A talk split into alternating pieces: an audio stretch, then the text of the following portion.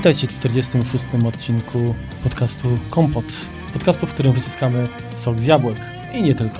Dzisiejszy odcinek poświęcimy kompresji, czyli typowo będziemy wyciskać, ale nie tylko jabłka właśnie, tylko również inne obiekty jak pliki wszelkiego rodzaju. Znaczy generalnie przybliżymy Wam o co chodzi w tej kompresji, po co, dlaczego i jakie są zyski, a może jakie są to również straty, jak się okazuje. Także bez przeciągania zabieramy się za temat. Remek tutaj jest zdecydowanie bardziej doświadczony, także ja zarzucam go pytaniami, a Remek będzie tutaj miotał się w odpowiedziach. Brylował. Zaczynamy. Witam, właśnie w ogóle to zapomniałem powiedzieć, kto was wita, tak? Wita was najlepsza ekipa pod słońcem, czyli Remek Rychlewski i Marek Telecki. Prawda? Tak, witajcie. Cześć, cześć, cześć. No dobra, lecimy od razu, bo nie ma co przedłużać. No to co to jest kompresja? Według Wikipedii jest to zmniejszanie redundancji, czyli inaczej powtarzalności w jakimś tam pliku. No więc teraz jakby tak na logikę to w jakiś tam sposób przedstawić wam, no to jeśli wzięlibyśmy sobie na przykład jakiś, jakąś ścieżkę dialogowego, niech to będzie z filmu Psy, taki stary polski film, tam występował Linda, no i używał takiego jednego często słowa na K. Pewnie wszyscy się domyślają jakiego, no i więc... Zakręt. Tak, po niemiecku znaczy. więc zamiast powiedzmy wpisywać w ścieżce dialogowej to słowo zakręt, no to moglibyśmy by sobie wstawić na przykład małpkę. Byłaby to jakaś tam kompresja, zmniejszylibyśmy rozmiar pliku. Prawda? No dokładnie. Taka bardzo, bardzo prosta na logikę. Czyli jeżeli później mamy jakiś tekst, jakąś Litwa, ojczyzna moja, ty jesteś jak zdrowie i tak dalej, pana Tadeusza, to też możemy najczęściej powtarzające się słowa zastąpić jakimiś tam znakami specjalnymi, tak to, na, tak to nazwijmy. Czyli poczekaj Remku, to można byłoby zrobić na przykład coś takiego, że mamy tekst tak. i wiadomo, że w tekście wiele słów się powtarza mhm. i tworzymy na przykład słownik, czyli listę wszystkich słów, które występują i przypisujemy im na, na przykład litery albo jakieś, jakieś symbole i potem cały tekst zamieniamy na symbole. Dokładnie. I, i możemy w ten sposób zyskać na, na miejscu, tak? Tak jest. Lub druga metoda, taka bardziej powiedzmy do grafiki stosowana, jeżeli wyobrazimy sobie jakiś obrazek, niech on będzie dla uproszczenia ośmiobitowy, tak, czyli taki jakiegoś gifa sobie weźmiemy. Czyli wszystkie kolory są zaznaczone od 0 do 255. I jakkolwiek tam paleta kolorów, nie wnikajmy. No i jeżeli spojrzymy na taki obrazek przez kogoś narysowany, no to on bardzo często ma duże powierzchnie, czy ciągi jak gdyby w tym samym kolorze, prawda? No zgadza się. No więc możemy sobie przyjąć na przykład, to się tak bardzo prosto nazywa taki algorytm ile czego, więc jak mamy ośmiobitową cyfrę, znak, to przyjmijmy, że ten pierwszy bit, ten najstarszy, świadczy o tym, czy jest skompresowane, czy nie jest. Czyli jeżeli zapalimy go, czyli mamy wartości od 128 do 255, oznacza skompresowane, a 0, czyli od 0 do 127 wartości, oznaczają nieskompresowane. I teraz ten reszta, te 7 bitów, oznacza ile? W sumie 120 8 wartości, no bo zera nie mamy co wpisywać. Prawda? No tak. I jeżeli mamy to zapalone, czyli skompresowane, tak, to potem następny znak będzie oznaczał czego? Czyli jeżeli sobie ustawimy, na przykład zapiszemy 255, a następnie 8, będzie oznaczało, że jakiś tam algorytm dekompresujący ma wstawić w ten plik wynikowy, czy w na ekranie narysować, obojętnie jak to, jak to przedstawimy, 128 ósemek, czyli wypełniamy sobie tam jakąś tam linijkę czy kawałek, w zależności od tego, jak duży mamy ten obrazek ósemkami. Natomiast jeżeli mamy nieskompresowany, to w tym momencie będzie ta druga, jeżeli to będzie 0 na początku, czyli nieskompresowany, to następujące ciąg cyfr o długości, którą zaznaczyliśmy, po prostu będzie dane nieskompresowane. Czyli teraz potencjalnie możemy w dwóch bajtach zapisać 128 znaków skompresowanych, a dla danych nie, które się nie kompresują, które się nie powtarzają, dodajemy tylko jeden bajt na każde 128, żeby powiedzieć, że to są nieskompresowane, więc zyskujemy już przy ciągach 3-bajtowych, no bo zapisujemy je dwoma bajtami. Nie wiem, czy dobrze wytłumaczyłem, coś zrozumiałeś? Cały czas przetwarzam. Ale generalnie nie, jest, jest to logiczne, natomiast to wiadomo, ja to muszę sobie to rozpisać na papierze. Łatwiej to do mnie trafia, jestem wzrokowcem mimo wszystko. Natomiast To jest taki właściwie algorytm, który pozwala na wypompowanie powietrza mhm. z pliku. Czyli tak powietrza, czyli czegoś, co się powtarza. Tak, czyli na przykład jak weźmiemy tak dla odmiany pliki audio, mhm. to najprostszy jakby sposób, taki przykład jakby kompresji, to jest to, jeżeli wytniemy ciszę, tak? Czyli tam, gdzie żaden instrument, żaden głos po prostu go nie ma, tak? Normalnie... To znaczy tak, jeśli chodzi o pliki audio, mhm. to pierwsze, co musimy zrobić, to nie trzymać jak gdyby wartości sensu stricto, tak? Czyli kolejno tak, tu jest wartość 7, tam jest 15, tu jest 48, 123, tylko powinniśmy trzymać różnicę. Bo wtedy bardzo często mamy te różnice bardzo małe, tak? No, mhm.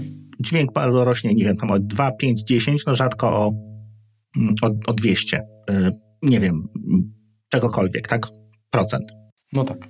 Więc najpierw powinniśmy sobie po prostu poodejmować od siebie kolejne wartości, a potem możemy to kompresować. Znaczy, no wiadomo, jeżeli chodzi o kompresję audio, to tam są w ogóle no, bardziej zaawansowane schematy, które jakby mm, uwzględniają charakterystykę ludzkiego ucha. No tak. I wycinają, wycinają na przykład częstotliwości, tak, które są po prostu dla nas, można powiedzieć, no niesłyszalne, tak? Mhm. I, i, I, dzięki temu również mm, zyskujemy coś tam. No ale o tym to jeszcze poopowiadamy. No, dokładnie. To tak na razie tak na, na, na, na logikę. No i teraz tak jeszcze, jak sobie mamy taki tekst, tak? i go chcemy, niech to będzie jakiś tam pan Tadeusz, tak? Chcemy go sobie skompresować, to możemy podejść na to na dwa sposoby. No bo mamy tą częstotliwość występowania słów, tak? Albo możemy sobie tą częstotliwość sprawdzić po prostu, tak? Przelecieć ten plik, policzyć, zbudować jakieś drzewo binarne, przeszukać, wyszukać. Jest, tak? Mhm. Albo możemy przyjąć statystycznie, tak? Bierzemy o język polski, to statystycznie jest taka częstotliwość występowania słów, czy liter, czy ciągów generalnie, no bo to nie muszą być całe słowa, tak? To mogą być dowolne podciągi, może to być całe zdanie, jeżeli ktoś się lubi powtarzać. No i w ten sposób, w ten sposób się jak gdyby kompresuje, czyli zmniejsza tą powtarzalność czy przewidywalność tego pliku. Ja bym jeszcze dodał, że generalnie taką kompresję to stosujemy bardzo często, jeżeli używamy skrótów. Czy to będą skróty klawiaturowe, czy to będą skróty na przykład, nie wiem, w wiadomości, w aplikacji wiadomości, że wpiszemy y, na przykład ZW mhm. i wyświetlam zaraz wracam. Jest to pewien sposób kompresowania, tak? Tak, dokładnie. No więc dlaczego stosujemy tą kompresję?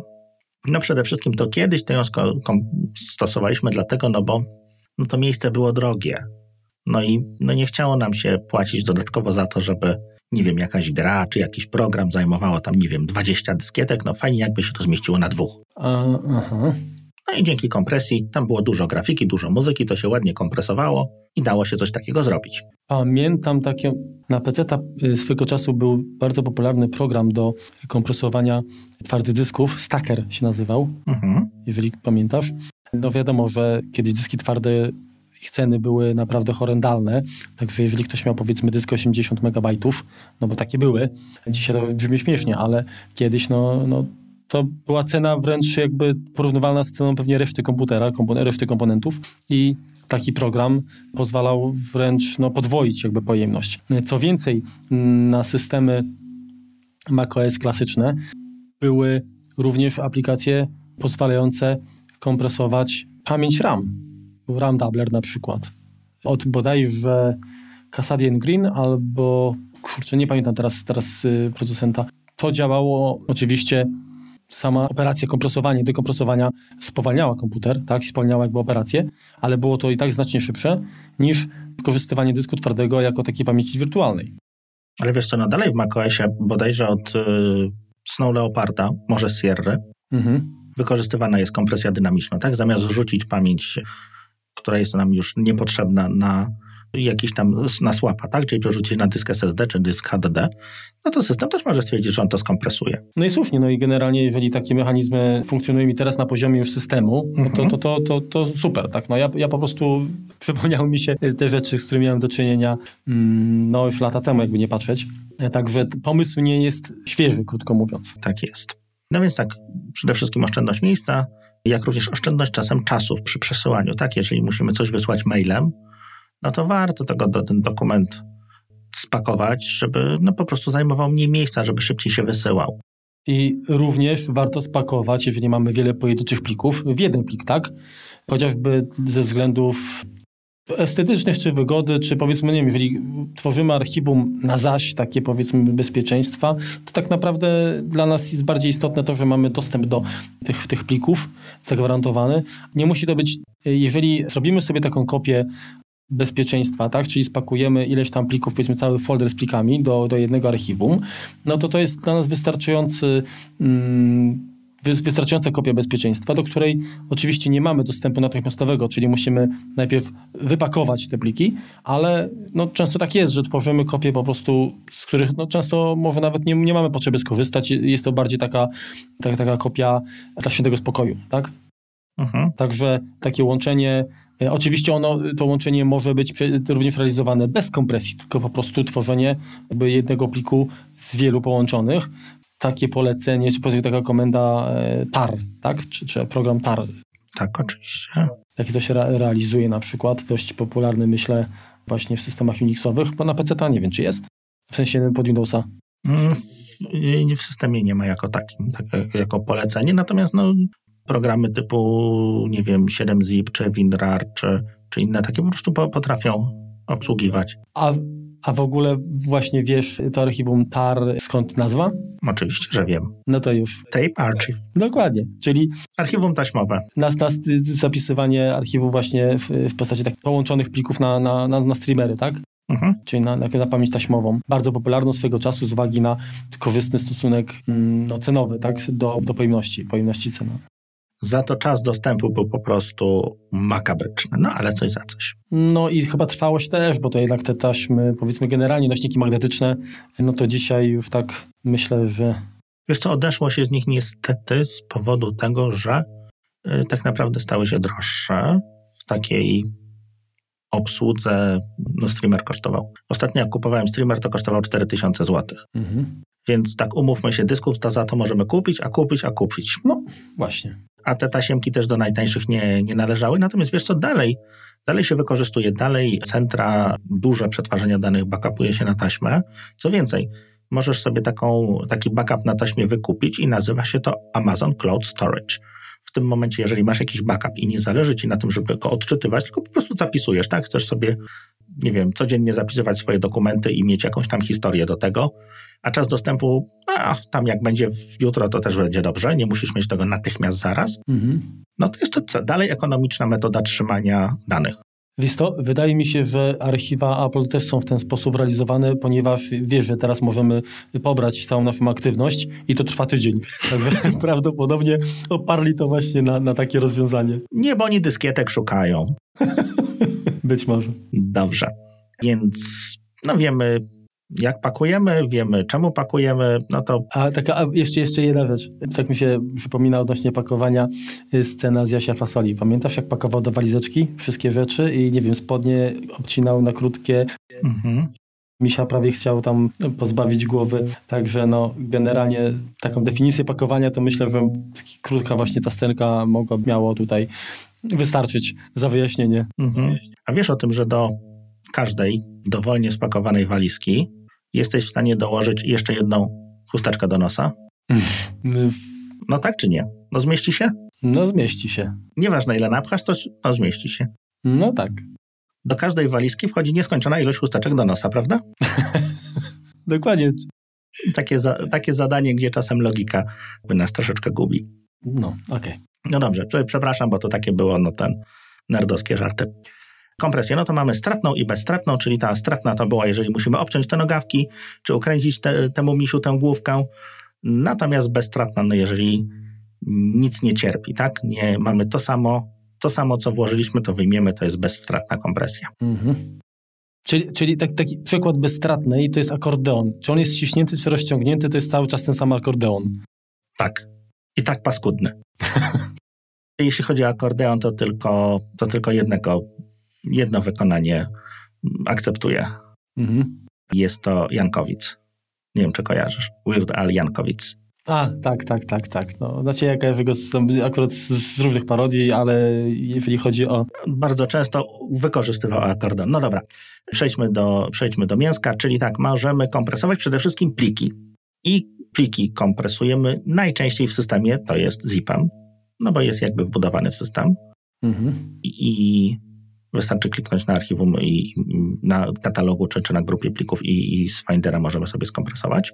Mamy oprócz tego głównie Windowsowe jakieś takie rozwiązania typu 7-zip, RAR, LZA, LHA. Mhm. Tylko, tylko, że RAR sam w sobie, on też obsługuje inne formaty niż, niż RAR, czy mówisz po prostu o, o, o metodzie kompresji? O metodzie kompresji. Mhm. No LZA, a pamiętasz, tak, a pamiętasz ARJ?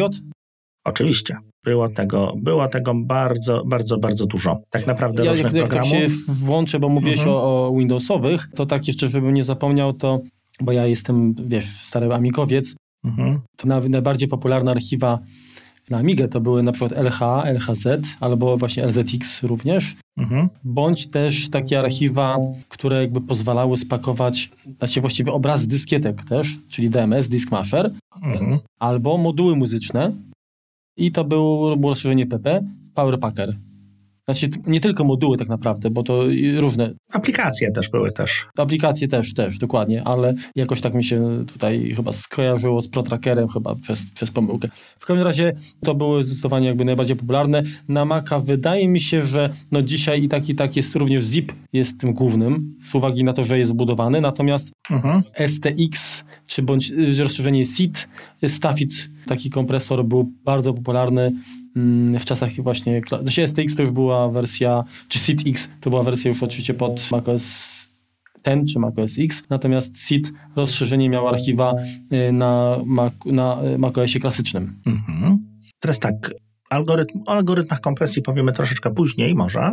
Mm, Na razie tak jakby o, o, o metodach. Teraz tak, jeżeli mamy zdjęcia, obrazy, pliki graficzne, no zdjęcia to może najmniej, natomiast takie mm, bezstratne to jest GIF. Znaczy GIF jest bezstratny, natomiast on obsługuje tylko właśnie tą paletę 256 kolorów, więc jeśli spakujemy coś GIFem, no to po prostu obetnie nam przestrzeń barwową, więc no bywa stratny, tak? Znaczy inaczej, jak, jak masz y, mm, obrazek w pełnej palecie i zabierzesz do GIFa, to jest stratne. Natomiast jeżeli stworzysz aplikację, która, y, obraz, który maksymalnie 256 kolorów wykorzystuje i zabierzesz jako GIFa, to będzie ok, tak?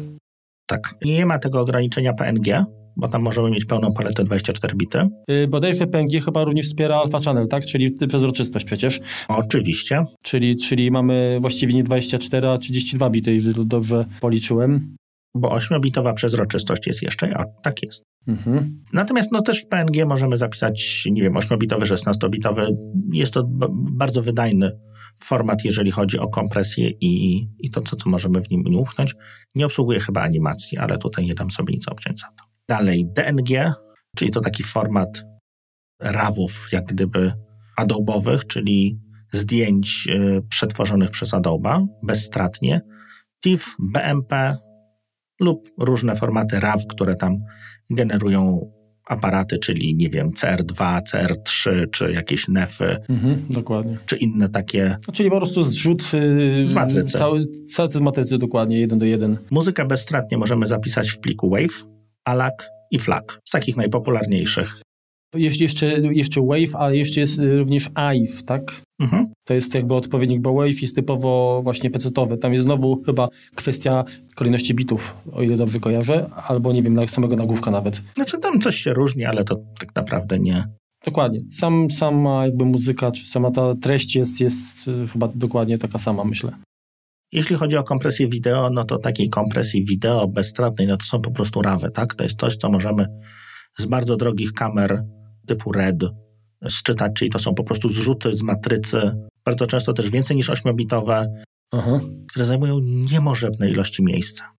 Okej, a powiedz mi takie kamery cyfrowe, które są powiedzmy na, na kieszeni Szarego Kowalskiego, które mają format DV. Czy to jest już kompresja stratna? Stratne, tak oczywiście. Okej. To jest MP2. Mhm. Z dosyć dużym bitrate'em, tak? Czyli tam jest Mhm. duża szczegółowość, natomiast jest to jak najbardziej kompresja stratna. No to teraz skończyliśmy chyba, no bo co jeszcze możemy kompresować? No możemy pliki tak, takie ogólne, możemy zdjęcia, muzykę, wideo, no koniec. Teraz tak, y, kompresja stratna. No to też zacznijmy od tego, kompresja stratna do plików. Jakie znasz formaty? No jeżeli chodzi o grafikę, no to najbardziej popularny... Nie, nie, takie pliki ogólne, no nie grafika, takie ogólne, no pliki wykonywalne, kompresja stratna. No jakoś nie, nie znam, krótko mówiąc. No tak? właśnie, wpu- wpuszczam No. cię w kanał dokładnie, no, trudno sobie kompresować coś i potem otrzymać coś innego, tak? No, no nie ma czegoś takiego, więc to nie da się tak. Czyli inaczej, no, zdjęcie lub y, audio jest również plikiem, także w tym momencie mówimy o, o, o tym, że, że kompresja jest stratna dla, mhm. dla plików wykonywalnych, tak, albo tak. dla programów, tak. No i czy dokumentów tekstowych również, no bo to raczej byłoby, by, to nie wiem, to byłoby już chyba dadaizm wtedy troszkę. Troszkę tak. Dobrze, więc tak, y, jeśli chodzi o zdjęcia, no to mamy królującego wszędzie JPEGa. Mhm. Który teraz będzie zastąpiony, już, już właściwie jest zastąpiony, tak przez, przez przynajmniej w sprzęcie z jabłuszkiem przez Hive, tak? Tak jest. Y, no i jeszcze są jakieś takie typu JPEG 2000, czy inne tak naprawdę mniej lub bardziej efemeryczne formaty plików. Tak naprawdę to, to JPEG. I tyle. Jeśli chodzi o muzykę, no to mamy już... Wiesz to poczekaj, jeszcze bym dodał, bo, bo to jest tak, że generalnie większość programów, które oferują opcję eksportu czy zapisu właśnie w formacie JPEG, pozwalają również wybrać y, stopień kompresji, tak? Mhm. Czyli i ten stopień jakby określa y, no, przede wszystkim wielkość pliku, ale również to, ile informacji będzie bezpowrotnie utracona, tak, z pliku. Osyfiona. Mhm i wtedy no wiadomo, że, że powstają jakieś przekłamania, jakieś artefakty i tak dalej. Jak w ogóle to jest realizowane? Myślę, że kwestia jakiejś aproksymacji, tak, wywalamy kolor, tak, i algorytm bazuje na, na stworzeniu jakiegoś koloru pośredniego, tak? Wiesz to dokładnie jak działa JPEG, on dzieli na takie kwadraciki chyba 8 na 8 mhm. czy tam 16 na 16 w jakiś tam, w jakiś tam z tego co kojarzę i na nich określa jakoś prawdopodobieństwo wystąpienia, jak tu było zielone, to następne też będzie zielone, albo może troszeczkę bardziej niebieskie. Mhm. I ten stopień kompresji to jest ilość bitów, które jesteśmy w stanie poświęcić na określenie tego prawdopodobieństwa, tak bardzo upraszczając sprawę. To teraz pytanie za 100 punktów. Mhm. Czy jeżeli wybiorę y, JPEG i ustawię jakość y, na 100%, mhm. czy otrzymam, czy to będzie kompresja bezstratna? Nie. No właśnie. Także warto to pamiętać. Czyli tak, dokładnie. Nawet jeżeli to jest na, na, najlepsza metoda, tak? Dlaczego pliki, te kompresję bezstratną powinniśmy używać dopiero na końcu procesu twórczego, tak to nazwijmy. No, pliku wynikowym. Mhm. Wyobraźmy sobie teraz taką hipopotamiczną sytuację, że bierzemy sobie zdjęcie, otwieramy w jakimś tam programie i potem je znowu zapisujemy w tym samym programie, nic z nim nie zmieniając. Tak, otwieramy, zapisujemy, otwieramy, zapisujemy, otwieramy, zapisujemy. Za każdym razem stratnie. To za każdym razem będziemy nieco tracili na jakości tego pliku. Mhm. Stąd właśnie stosuje się do, do pracy z, czy ze zdjęciami, czy z filmami, najlepiej, czy z muzyką. Nagrania bezstratne i dopiero na samym końcu przystosowujemy to jak gdyby do konsumpcji i dopiero zapisujemy stratnie. Żeby po prostu nie Mhm. Nie zwiększać jak gdyby błędów, które się pojawią podczas pracy naszej. Okej, okay, to teraz powiedz mi tak, mamy aplikację zdjęcia, tak? Mhm. Fotos 3, kiedyś to był iPhoto, tak? Tak. I tam znaczy ten program y, trzymał jakby wszystkie wersje pliku, czyli mogliśmy otworzyć po wczytaniu tam, nie wiem, z aparatu plik, powiedzmy, nie wiem, usunąć czerwone oczy, zapisać. Znowu jakby otworzyć, coś tam poprawić jeszcze, tak? Znowu i tak, czyli Cała ta historia oczywiście była w, w, tych wersjach pamiętana, ale ten ostatni, powiedzmy po 10 operacjach, która każda była wykonana w różnym czasie, był gorszy nie tylko o to, co Czyli różnił się jakby nie tylko o to, co my zmodyfikowaliśmy, ale również przez ten kolejny zapis. Bo... Nagromadzenie tych błędów, tak, to są naprawdę minimalne błędy, tak? Mhm. Natomiast no, każda ta operacja w jakimś tam sposób Jeż, znaczy, wiesz co, może niekoniecznie, tak? No bo on jeżeli zapisuje, no to jeżeli byśmy zapisywali i ponownie odczytywali i robili kolejną modyfikację, tak. Natomiast on podejrzewam, że on po prostu trzymał w pamięci tą wersję jak gdyby nieskompresowaną i dopiero z niej tworzył te, te nie wiem, raz poprawiliśmy czerwone oczy, potem poprawiliśmy balans bieli, następnie wyprostowaliśmy, a na końcu przycięliśmy. Czyli generalnie co myślisz, że te wszystkie wersje to były, to były tylko zmiany? Tak. Natomiast to, co on trzymał w pamięci, podejrzewam, że pracował na tej jakby oryginalnej. No właśnie, właśnie, no to jest ciekawe, bo kurczę, o ile podejrzewam, że być może Hive taki coś ma, to myślę, że ten wcześniejszy format jednak jednak aż taki mądry nie był, ale to myślę, że to jest do sprawdzenia. Zresztą, jeżeli słuchacze e, mają jakieś doświadczenie w temacie, to, to fajnie, żeby się podzielili również, bo powiem szczerze, że ja nie wiem, a to mnie tak zaciekawiło, bo tak jak powiedziałeś, że no każde zapisywanie, no tak, to na, na logikę jest, jak i teraz właśnie ten, ten przykład tego programu mi tutaj się tak no, w głowie zaświtał. Dobrze, następnie możemy przejść teraz do muzyki, bo chyba o, grafice troszeczkę powiedzieliśmy. A jeszcze, bo może jeszcze jedna rzecz, bo, bo generalnie jest tak, że mm, kompresujemy, tak jak powiedziałeś, z uwagi na oszczędność miejsca, Mhm. e, czyli, czyli generalnie chodzi nam o zmniejszenie wielkości pliku. I warto pamiętać o tym, że nie tylko kompresja, czyli zmiana typu pliku, zmiana formatu pliku i mm, stopnia tak, no, właściwie kompresji, czyli jakby godzimy się na, na utratę danych, ma, jest, jest zasadna, ale często w, dużo lepiej jest zastosować wyższy, czy, czy inaczej mówiąc, niższy stopień kompresji, czyli większą jakość, ale zmienić rozdzielczość, tak? No bo jeżeli przygotowujemy grafiki pod, nie wiem, strony internetowe, no to wiadomo, że ten materiał może być dużo mniejszy niż prace, które będą, nie wiem, drukowane nawet na formacie A4 czy na jakimś billboardzie. No tak, no Także standardowy kiedyś, kiedyś dawno temu przed retiną, no to obraz miał 72 dpi. Z retiną ma, jak się łatwo do, domyślić, 144 dpi. Około, tak? No bo to, to jeszcze zależy tam od gęstości, natomiast tak się, tak się przyjmuje. Natomiast no do druku, no to tak 300 dpi, czyli to jest jakby jeszcze dwa razy więcej. Chociaż no, biorąc pod uwagę gęstość upakowania pikseli w iPhone'ie, no to tam jest ponad 300 dpi. Natomiast no, mówimy już o, o, wyświetlaczach, jakichś takich monitorach, tak jak to idzie w, w pracę, tak? No, no nie, nie, nie, nie do zabawy. dokładnie tak. Okej, to jeżeli chodzi o muzykę, to jaki, jaki format znasz, używasz? Jeśli chodzi o muzykę, to używam formatu AAC, a znam oprócz tego MP3. Ja zaczynałem jeszcze pierwszą, pierwszą muzykę, którą kompresowałem stratnie, to ja kompresowałem w MP2. Taki byłem twardziel. Rozumiem, rozumiem że chodzi ci o te y, Sonego rozwiązanie, tak? Nie. Nie? To jeszcze było na PC-cie, odkryliśmy, że Ale poczekaj, a to masz rację, dobra, dobra, spoko. Bo, bo, bo pamiętam, że wspominałeś, że MPEG pierwszy layer, tak, nie, miałem takie, takie ustrojstwo, nie, ale to, to po prostu kompresowaliśmy płyty sobie do, do MPEGa drugiego jakimś takim dziwnym programem, ale no za ciężkie pieniądze z ten, za, zakołowanym. mhm. Komercyjnym jakimś takim, Fratenfurtera jeszcze, to był MPEG pierwszy, layer drugi, e, MP2, no po prostu inny algorytm kompresji, jeszcze mniej, mniej dopracowany. Co tam mamy jeszcze? Poczekaj, poczekaj, poczekaj, teraz ja jeszcze powiem na ten temat, Mhm. bo faktycznie ja sam używałem na Amidze, kompresowałem muzykę, czy wręcz robiłem konwersję z MP3 do MP2. Nie pamiętam teraz, co to były za, za oprogramowanie, ale wynikało to z tego powodu, że jak zakupiłem, y, bo oczywiście Amix miałem sporo, jak pamiętasz, Nie wyrabiała ci Amisia. No i jak miałem 4000 i miałem ją rozszerzoną o kartę dźwiękową Delfina Lite, to pojawił się y, programowy, znaczy odtwarzacz, który korzystał z układu DSP na tej karcie i bez obciążenia no, procesora głównego komputera mogłem sobie właśnie w MP2 audio odtwarzać. No kurczę, wiesz jaka to była bajka? Także, także no to, to był wypaścik. Natomiast chciałem cię jeszcze spytać, y, y, bo wspominałeś kiedyś, jak tam rozmawialiśmy Mhm. o, o muzyce, że miałeś, to nie pamiętam jak to było, nie, nie disk, Discmany? Nie Discmany, y, kurczę, y, mini dyski?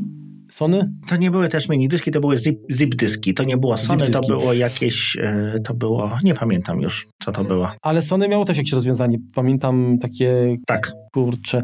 I teraz, Sony miało mini disk. a no właśnie, i teraz powiedz mi, na tym rozwiązaniu, które ty miałeś, jaki tam był format zastosowany do kompresji?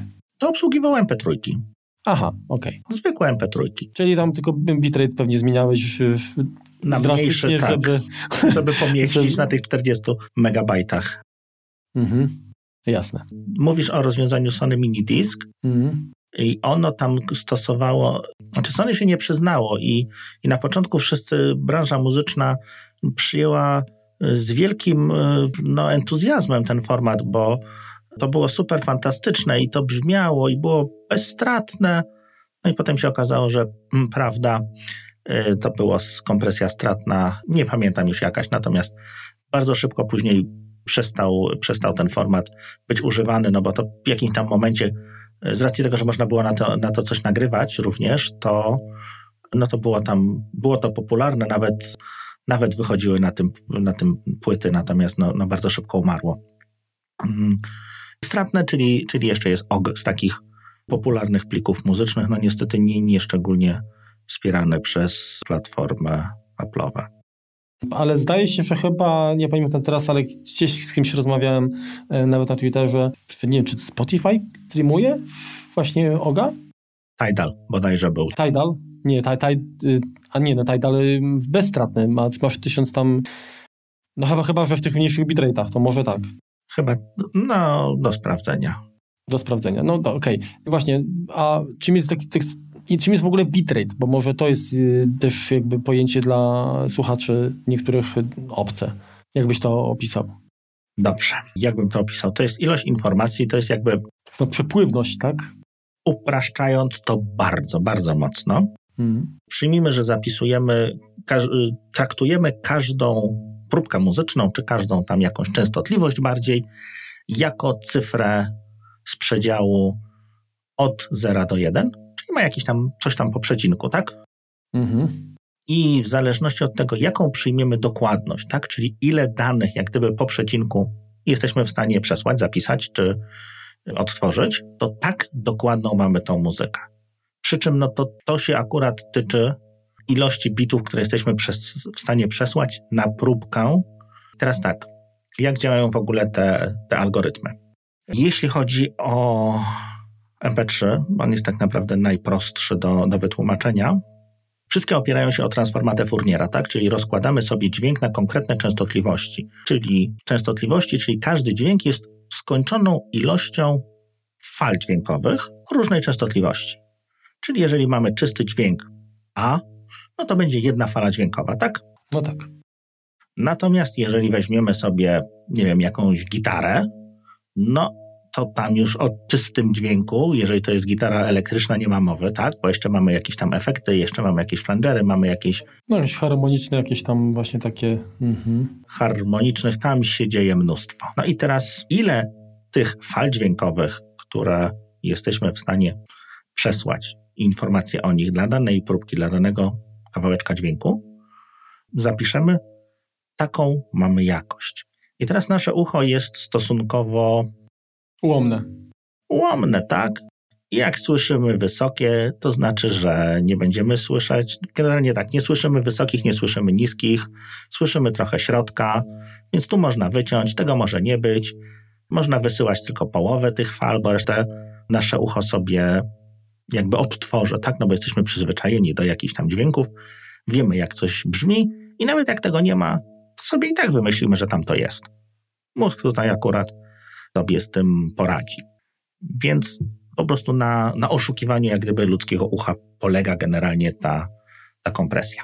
Nie wiem, czy dobrze opowiedziałem, natomiast no tak. Mhm. Nie, tak dokładnie. Myślę, że warto tylko wspomnieć jeszcze o tym, że formaty w tej najwyższej jakości stratne, tak, czyli AAC z plusem i MP3 też można tam y, ustawić z tak zwanym VBR-em, czyli Variable Bitrate, czyli ten y, jakby zyskujemy miejsce tam, gdzie ono jest rzeczywiście potrzebne. Czyli jeżeli mamy mniejsze, na, mniejsze na, no, powiedzmy skumulowanie dźwięków, czy właśnie tych harmonicznych, to tam ten bitrate zastosowany będzie większy, a tam, gdzie byłoby to zbyt drastyczne dla efektu finalnego, tak, czyli tam, gdzie powiedzmy jest jakaś ściana dźwięku, no to ten bitrate będzie maksymalnie duży, tak żeby jak najmniejsze straty były słyszane, tak? Tak jest. To są te, te VPR-y. Jeszcze... Mhm. E, I teraz jeszcze jedna rzecz, która, która się, którą można zaoszczędzić. Tak na początku jest po prostu filtr dolno-górno-przepustowy. Mhm. Są wycinane częstotliwości, którego, których po prostu ludzkie ucho. Czy to poniżej 10 Hz chyba bodajże wszystkie? I 20. MP3 to 20. Czy, czy 20, nawet i powyżej, i powyżej też 20 kHz, tak? Czy ten, czy nawet... Znaczy... Kiloherców, tak. Chyba coś takiego. Zależnie jeszcze od... Komp- e, od, od jakby formatu, tak? MP3 inaczej, AAC inaczej, OG inaczej, bo to są różni inżynierowie to robili, różni akustycy to, to wymyślali, więc różnie, różnie to działa. Teraz tak, jakby MP3 jest dość podobna jakby do JPEGa, jeżeli chodzi o konstrukcję. OG bardziej przypomina HIFA, jeśli chodzi o algorytm, ale no to też tak. Mhm. E, myślę, że jeszcze warto dodać, że znowu tak samo jak z tym rozdzielczością powiedzmy obrazka, tak samo e, dźwięk, jeżeli to jest, nie wiem, mowa, tak, no to wiadomo, że, ta, że ten zakres częstotliwości jest też obcięty tam bodajże chyba do 8 kHz. No to może być, jeżeli chodzi o, to wtedy mamy taki telefon, mhm. jeżeli mamy 8 kHz. Dokładnie.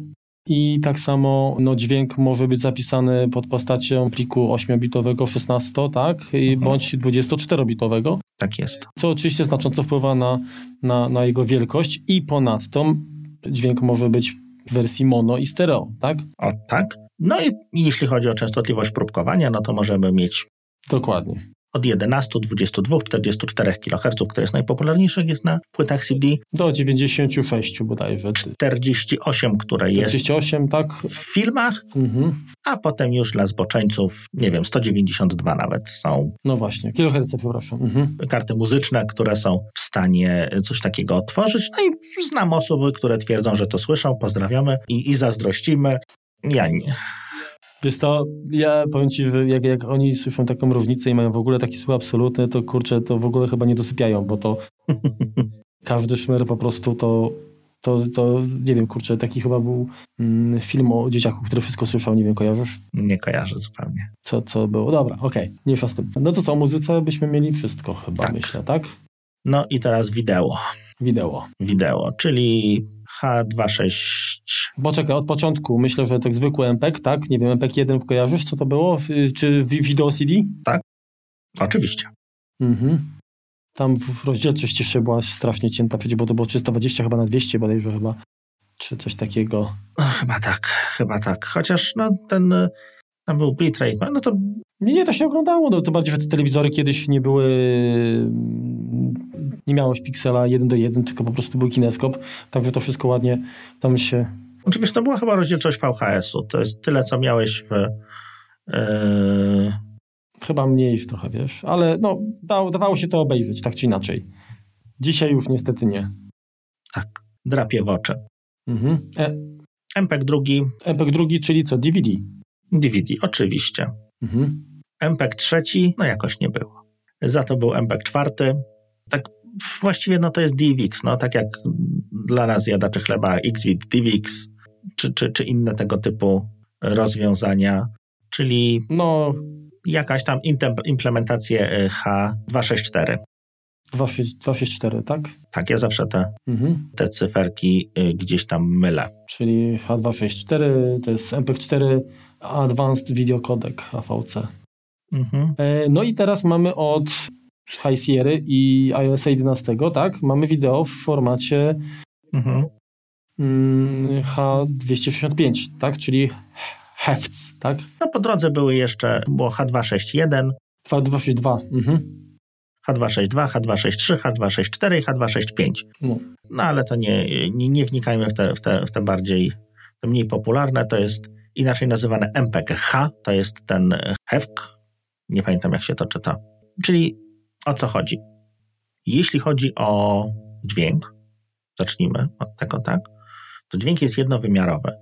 No bo coś mogło być kiedyś, albo może być później. Dźwięk ma jeden wymiar. Mhm. Nie, ma, nie ma drugiego wymiaru. Zdjęcie jest jak gdyby dwuwymiarowe, bo jeżeli szukamy, będziemy starali się, nie wiem, mamy jakieś kwiatki, tak, na, na łące i będziemy starali się wy, wyszukać y, te kwiatki, będziemy jakiś algorytm wyszukujący kwiatki, no to te kwiatki mogą być po lewej stronie, po prawej, na górze albo na dole.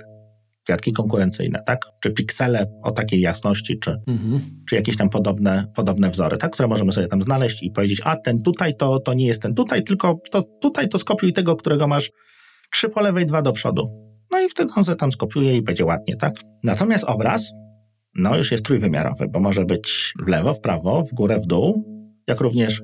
Jeszcze ruch do tyłu, czyli klatka wcześniej, klatka później. Mhm. Więc dlatego obraz się kompresuje najlepiej, paradoksalnie, tak? Mimo, że to jest najwięcej danych, natomiast te dane tak naprawdę się najmniej zmieniają.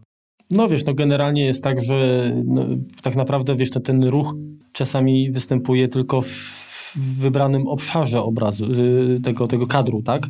Czyli mamy jakieś klatki kluczowe, mamy klatki pomiędzy, mhm. No niektóre można oczywiście też powiedzmy udać, tak? No to jest, to jest tak, jak, jak, jak generalnie mamy animację, jakbyśmy nagrali film, powiedzmy, nie wiem, 120 klatek na sekundę, tak? No to tak naprawdę to jest informacja, która się przydaje, jeżeli chcemy puścić w zwolnionym tempie, tak? Bo chcemy przyjrzeć się każdemu, y, każdej jakby informacji. Natomiast y, ludzkie oko znowu jest w stanie pewnie rozróżnić 20, może około 20 paru tak, klatek. Tak naprawdę y, do, dowiedziono, że chyba minimum 15 klatek na sekundę musi być, żeby ludzkie oko odbierało to bez jakiegoś dyskomfortu, jako, jako, jako animacja, jako ruch. Co, nie no, widzimy jak gdyby więcej klatek, natomiast no, sprawia nam to wrażenie dziwności, tak? Mhm, mhm. Ten obraz, y, który widzimy, no to jakby nie wnikając w szczegóły. Są tacy, którzy na przykład oglądają tylko czy, czy chodzą do kin na obrazy, które, na filmy, które są w 24 klatkach na sekundę i, i na przykład ubolewali, że Apple TV czwartej generacji nie obsługuje tego formatu, że tam jest kompresja, że tam jest przetwarzany ten plik do 60 klatek na sekundę, czy tam 50 klatek na sekundę i tutaj są jakieś powtarzane i to skacze i to jest brzydkie, nie wiem, nie widzę, no ale niektórych to bolało. Dopiero Apple TV 4K obsługuje ten, ten tryb 24-klatkowy. A przepraszam, to, czy to jest, czy ta operacja to jest ten telesign?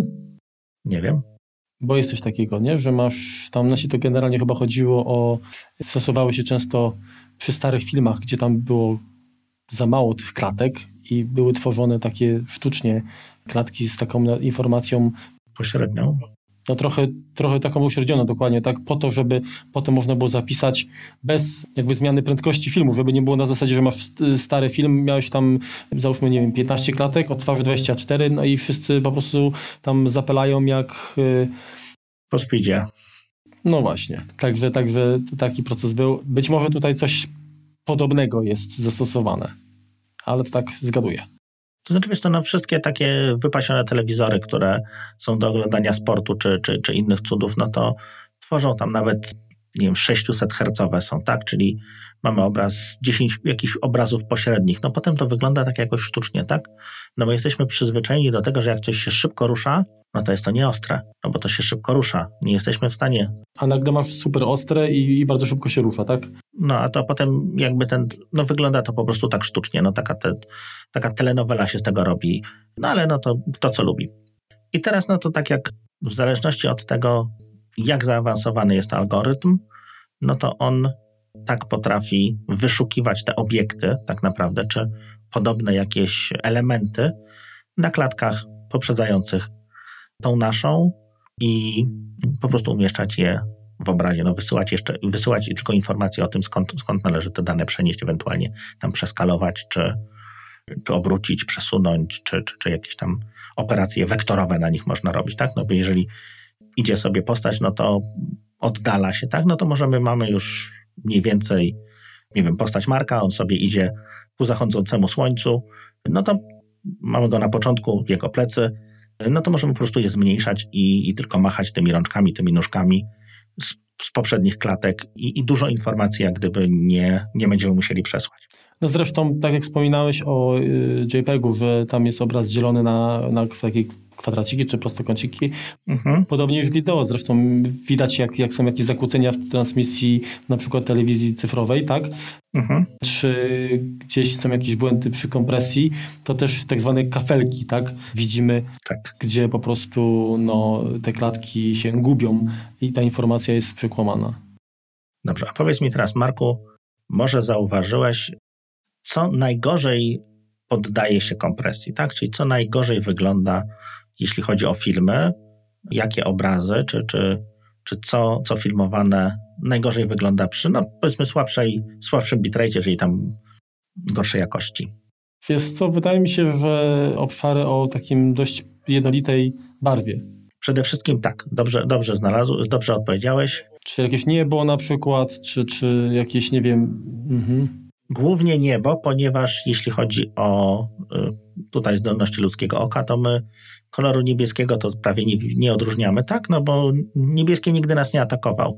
Niebieski zawsze był na górze i generalnie nas gucie obchodził, więc jeśli chodzi o wrażliwość ludzkiego oka na kolor niebieski, to jest ona najmniejsza. I dlatego najmniej bitów przeznaczone jest na kolor niebieski, a niebieskie jest niebo i jak jest mało tych bitów, to się pojawiają kwadraty. Mhm a natomiast też idąc tym tokiem, ciężka jest też woda ona ma jeszcze tą niestety, e, niestety przypadłość, że się cała rusza. Nie ma elementów statycznych i jak przyjrzysz się jakimś tam, jakiś tam filmu, gdzie jest filmowi, który jest też powiedzmy bardziej skompresowany i jest jakiś najazd kamery na, na jakieś morze czy coś takiego, no to tam też jest wojna kwadratów. Mhm. Kolejna sprawa, sceny, gdzie coś szybko się dzieje, czyli wybuchy. Tam też się bardzo często potrafi przykwadracić. Tak, tak, tak, tak, tak. No i bym też, no ale tam też się dużo dzieje, tak? No to jest też bardzo często gorzej wygląda. Natomiast no jeżeli chcielibyśmy porównywać, nie wiem, jakość Blu-raya z jakością filmu z iTunesa, no bo tak, wiemy, że no Blu-ray no to jest jakieś 40 gigabajtów mniej więcej, taka, to co jest mamy zapisane na płycie, to coś sobie ściągamy z iTunesa w HD, no to będzie tak 6, może 8. Mhm. No więc znacznie mniej. No i jeżeli chcemy porównać, no to właśnie na takich scenach, gdzie jest albo woda, albo, albo jakieś wybuchy i tam po prostu zróbmy stopklatkę i przyjrzyjmy się, czego nie ma. Mhm. Może jeszcze opowiedzmy chwileczkę, jakby cofnijmy się do kompresji, bo tak powiedzieliśmy troszeczkę o, o kompresji stratnej, jakie tam są algorytmy użyte, czy co się dzieje. Może też powiedzmy e, o kompresji bezstratnej. To przede wszystkim zipy wszystkie i, i generalnie odmiany LZ77, czy 7zip, czy ARJ, PKZip, RAR, jak również PNG, to one są oparte o właściwie ten sam algorytm, to jest LampLZIP 77 lub LZSS, dość podobny. One tak, też nie wnikając w szczegóły, po prostu, czy LZ78 jeszcze jest, LZW. A właśnie, wiesz co, wydaje mi się, że chyba TIFy też mają opcję z LZW, prawda? No właśnie, tak coś kojarzyłem. Ale o co chodzi? One wszystkie bazują na tym, że zapamiętują jak gdyby co było kiedyś, tak? I jeżeli jakiś podciąg już był gdzieś w tekście, czy w pliku, czy generalnie w danych, które już raz zapisaliśmy, to przekazuje do niego odnośnik do całego tekstu, tak? Czyli to już, te, tak, jak, tak jak mówiliśmy, wstawię jakiś tam znacznik i mówi, słuchaj, słuchaj Heniek, y, o tym już mówiłem i to jest 7 stron wcześniej. To jest taka najpopularniejsza i, i tak naprawdę jedna z bardziej wydajnych metod na kompresję. To, co mówiłem, to jest tam to takie ile czego, to jest odmiana bardzo prościutka kompresji RLE, czyli y, metoda na opisywanie ciągów tych samych liter, tych samych bajtów, symboli, pikseli za pomocą licznika powtórzeń. To już, to już, to już opowiadałem. Są kodowa, jest kodowanie Huffmana, czyli oparte właśnie o statystykę.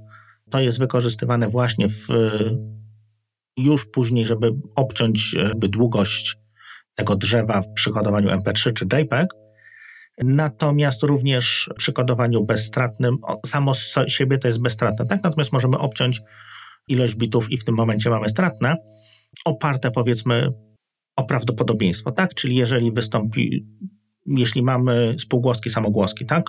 No to wiadomo, że po literce O no raczej druga O literka nie wystąpi, tak? No chyba, że wołamy go OL.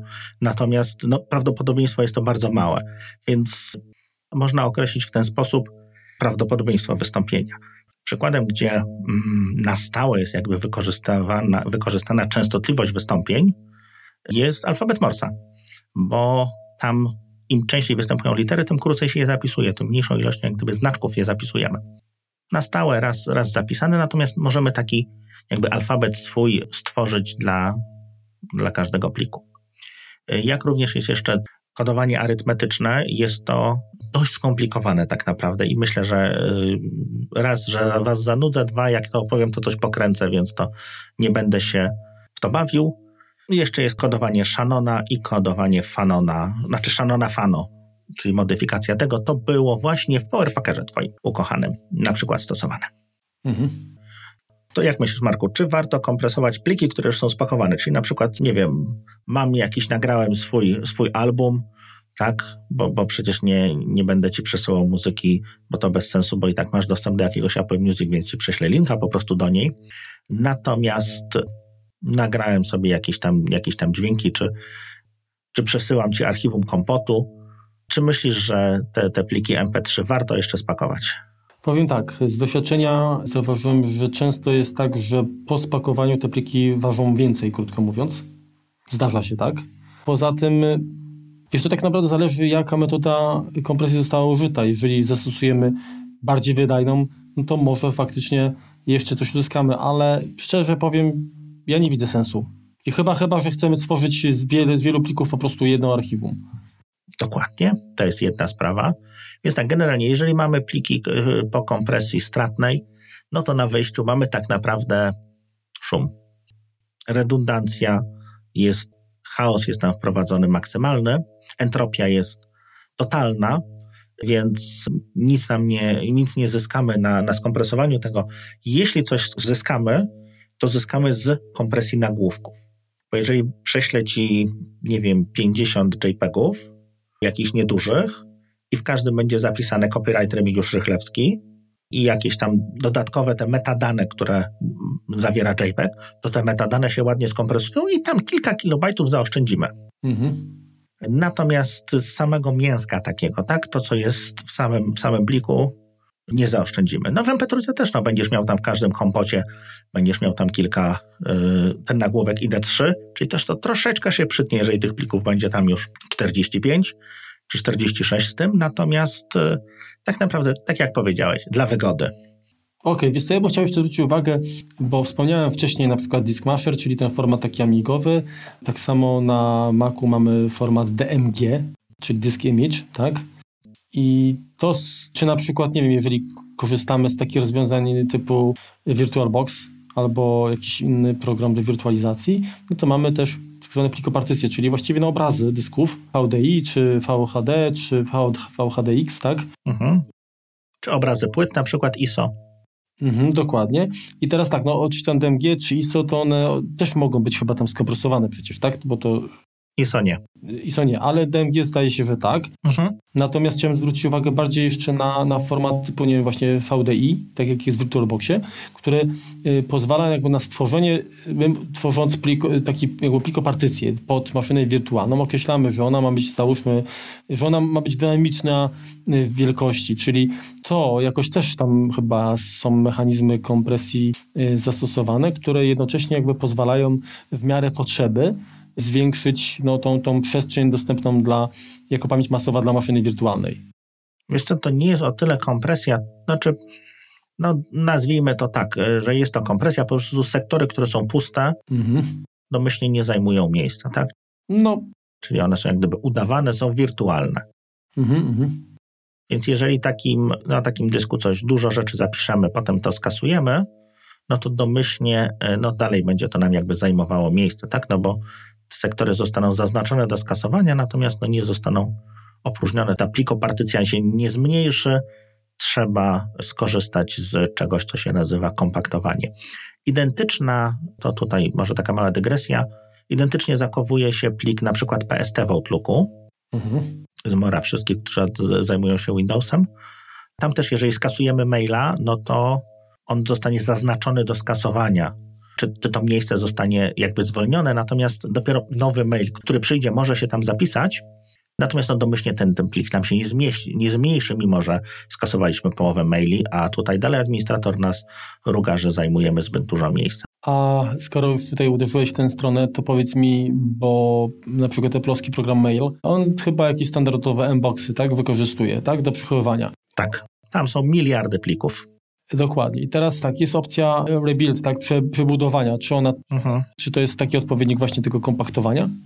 I tak, i nie. To znaczy, jak to, jak to przystało na system plików, tam się mogą pojawić jakieś błędy, czyli nagle nam umrze ten program pocztowy w trakcie jakiejś pracy i no, pojawią się katalogi, które no, nie mają odzwierciedlenia w indeksach, czy tam się posypią jakieś indeksy, no bo żebyśmy w tym mogli szukać, cokolwiek znaleźć, no to musi to być w jakiś tam sposób skatalogowane, żebyśmy trafili do tych maili. Więc jeżeli y, to jest po prostu odbudowa katalogów i odbudowa indeksów. Mhm. Okej. Okay. No to nie wiem, czy generalnie chyba pozostało nam tylko zaprezentować przykłady oprogramowania, które do tworzenia i do rozpakowywania takich archiwów, których sami korzystamy, tak? No chyba. To powiedz mi na Macu, pod macOSem, z jakiej aplikacji korzystasz? No bo wiadomo, że w systemie mamy wbudowane e, narzędzia archiwizujące, tak? Które które pozwala na, na, na tworzenie właśnie archiwów zip, tak, w, z poziomu Findera i tak samo no, dwuklikiem po prostu wypakowujemy archiwa, no ale często zdarza się, że otrzymujemy archiwa w innych formatach, bądź zależy nam na właśnie stworzeniu archiwum powiedzmy wielu, wieloczęściowego, czy archiwum, z, do, do, które będzie zahasłowane. No to z, to z jakiego e, programu korzystasz? Bo ja... Kaka. Korzystam z Sublik. Dokładnie, to u mnie to, to, to samo. Zresztą wspomnieliśmy o tym przy okazji właśnie chyba programów takich najczęściej testowanych. A przy okazji do, wyszła nowa wersja, ma nową ikonkę i wygląda y, piękniej. Mhm. Nie wiem, czy już zaktualizowałeś. Zaraz sprawdzę, czy mi się, czy mi się zgłosi, że, że potrzebuje aktualizacji. O, chyba jednak mi się nie zgłosi. Dobra, w każdym bądź razie... Keką. Zanim zacząłem, za, tak, keka, nie kaka, tylko keka, żeby się nie, nie kojarzyło nikomu. Jeżeli chodzi o mnie, to jeszcze wcześniej, już mówię pod Mac OS X-em, y, bo na klasycznych to był oczywiście Staffit Expander, czy w ogóle Staffit jako, jako, jako aplikacja również do tworzenia archiwów. Wiecie co, ja w ogóle to mam chyba, bo Staffit kiedyś zrobił jakąś promocję i rozdawał jakieś kody za darmo. Mhm. I bardzo możliwe, że ja mam 100 kodów do Staffita. Jakby ktoś chciał, to niech się odezwie. Dobrze, wyślij, ja zobaczę jeszcze, co się zmieniło w tej aplikacji. I łezka aż się wokół może zakręci, jak, jak po prostu zobaczę. Może to nie będzie ostatnia jakaś, ale zupełnie legalnie posiadam 100 kodów do Staffita. Cebula deal. No właśnie, natomiast ja przy okazji jakiegoś, jakiejś paczki, nie pamiętam, czy to był Mac czy coś innego, Kiedyś zanabyłem aplikację, która się nazywała wówczas Rugzak, czyli taki plecak.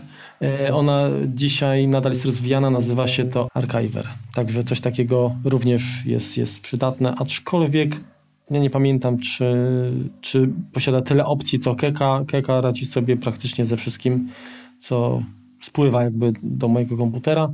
Także jest to jakby numer uno. Więc tak, żebyśmy już to opowiedzieli o Kece.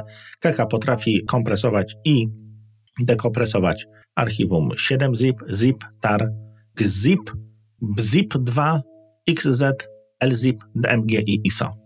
I teraz tak, kompresując zipem możemy dodać na przykład hasło. Na dwa sposoby zwykle, zwykłe takie hasło albo użyć ASA 256, czyli w tym momencie mamy to naprawdę bezpieczne. Kompresując dodatkowo 7 zipem, możemy stworzyć archiwum solid.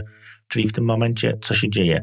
Jeżeli mamy wiele plików, to one są dodawane po kolei i słownik jak gdyby nie jest tworzony dla każdego osobno, z osobna. Tak? Czyli jeżeli mamy 100 plików tekstowych i niech to będą donosy, żeby było ciekawiej, w każdym jest słowo donos, no to ono się bardzo ładnie skompresują, no bo będą korzystały jak gdyby już z odwołań do innych plików czy, czy danych gdzieś tam wcześniej. Mhm. I jest to o tyle śmiesznie tworzone, że jeżeli mamy pliki o różnych formatach, no to te one są jak gdyby nie wrzucane alfabetycznie czy tam po kolei katalogami, tylko są wrzucane do tego archiwum solid, czyli tej jednej części, czyli takiego jakby scalonego na podstawie rozszerzeń, tak? Czyli żeby potencjalnie informacje czy, czy dane, które są w podobnym formacie były obok siebie bo się lepiej kompresują. Myślę, że dużo ważniejszym, dużo ważniejszą informacją dla słuchaczy jest przede wszystkim to, co, y, jakie archiwa potrafi rozpakować Keka. No to te wszystkie. No tak, ale dodatkowo, bo nie wymieniłeś, a potrafi też rozporadzić sobie z RARem, z plikami CAP na przykład z Windowsa, mhm. czy Java Archive, tak, JAR. No to jest zip. APK, to no jest dokładnie, zip. czy, okej, okay. co tam jeszcze, exe, no to właściwie exe to jest też zip chyba, tak? Nie. Tak naprawdę, nie? Nie. nie. Okej, okay. no ale generalnie jakiś jest CPIO, prawie jak Citripio. Nie wiem, nawet nie znam, nie, nigdy nie miałem. Generalnie całkiem sympatyczny program. Warto dodać, to już o czym mówiliśmy, że program jest dostępny za darmo bezpośrednio ze strony keka.io.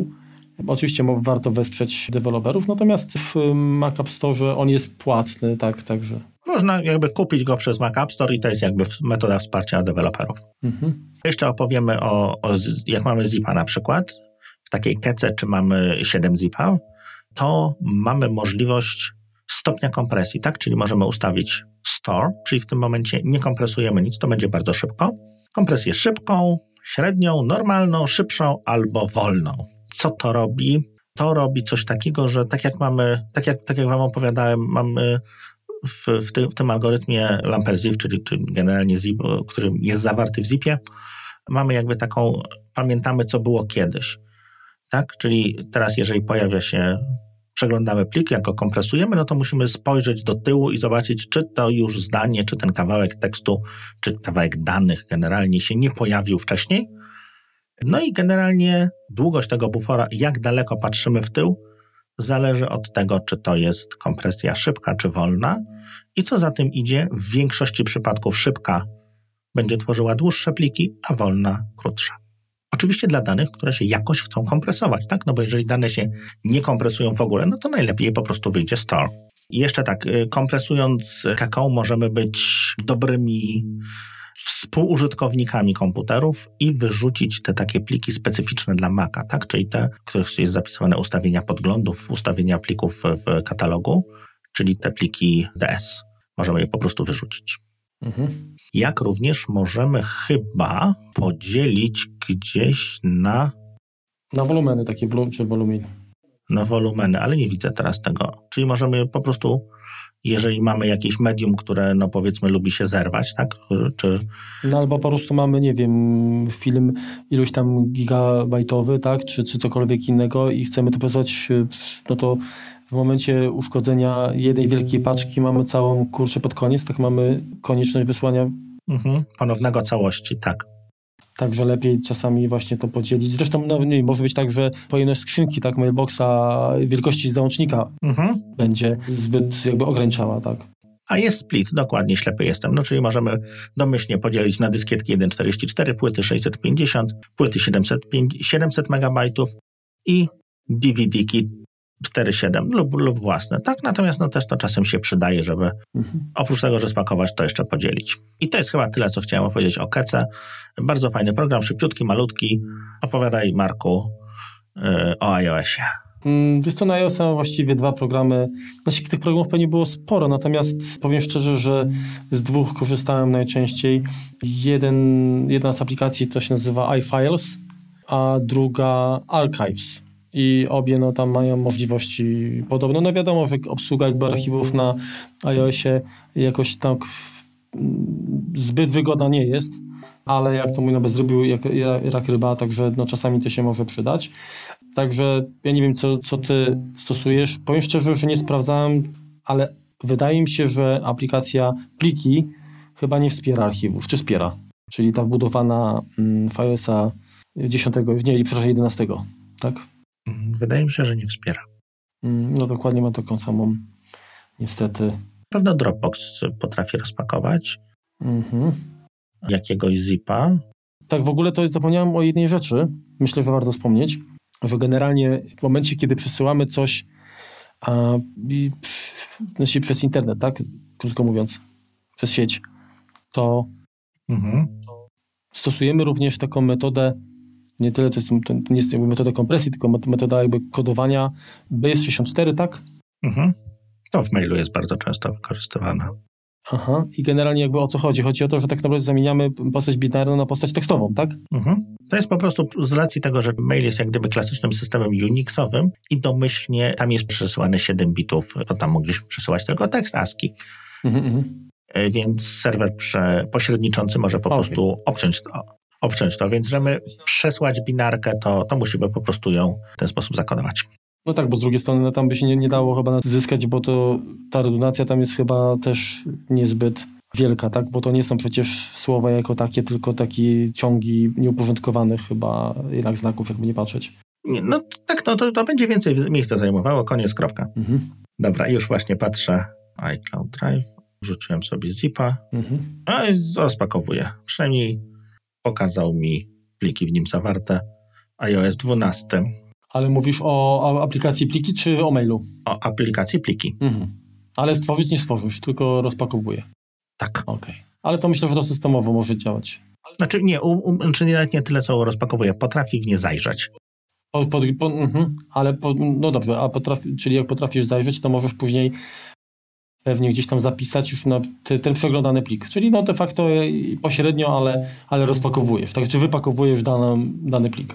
Mhm. To dziękujemy. Mam nadzieję, że nie przynudziłem za bardzo, nie było zbyt technicznie. E... Co złego to nie my, jak zawsze. Tak. Dziękujemy za komentarze, dziękujemy za za dobre słowa na Twitterze. Fajnie, że Wam się te ostatnie odcinki z gośćmi podobały. Co sądzicie o Hazelu, to jeszcze nie wiemy, bo jeszcze nie wypuściliśmy tego odcinka. Nagrywamy troszeczkę na zapas, żeby trochę powypoczywać. Dokładnie. Znaczy ja planuję wypoczywać, Marek może już wypoczął, a może jeszcze nie. No właśnie, zacząłem to, to ja też pożegnam, także tutaj, żeby nie było. Dziękujemy za wysłuchanie 46 odcinka Kompotu. Wierzymy, że Wam smakował tak jak i pozostałe. Remek już tutaj dodał, że dziękujemy za komentarze. Prosimy o kolejne, jakby nie patrzeć, to nie to, że ci sami słuchacze mają pisać. Mamy nadzieję, że, że baza odbiorców nam rośnie. Bardzo nam na tym zależy i, i nas to motywuje. Zapraszamy wkrótce do kolejnego odcinka. O czym będzie, nie zdradzimy. Tym razem będziemy tacy. O, i co? No to chyba wystarczy po prostu, że powiemy do usłyszenia. Do usłyszenia. Trzymajcie się na razie. Cześć. Czołem.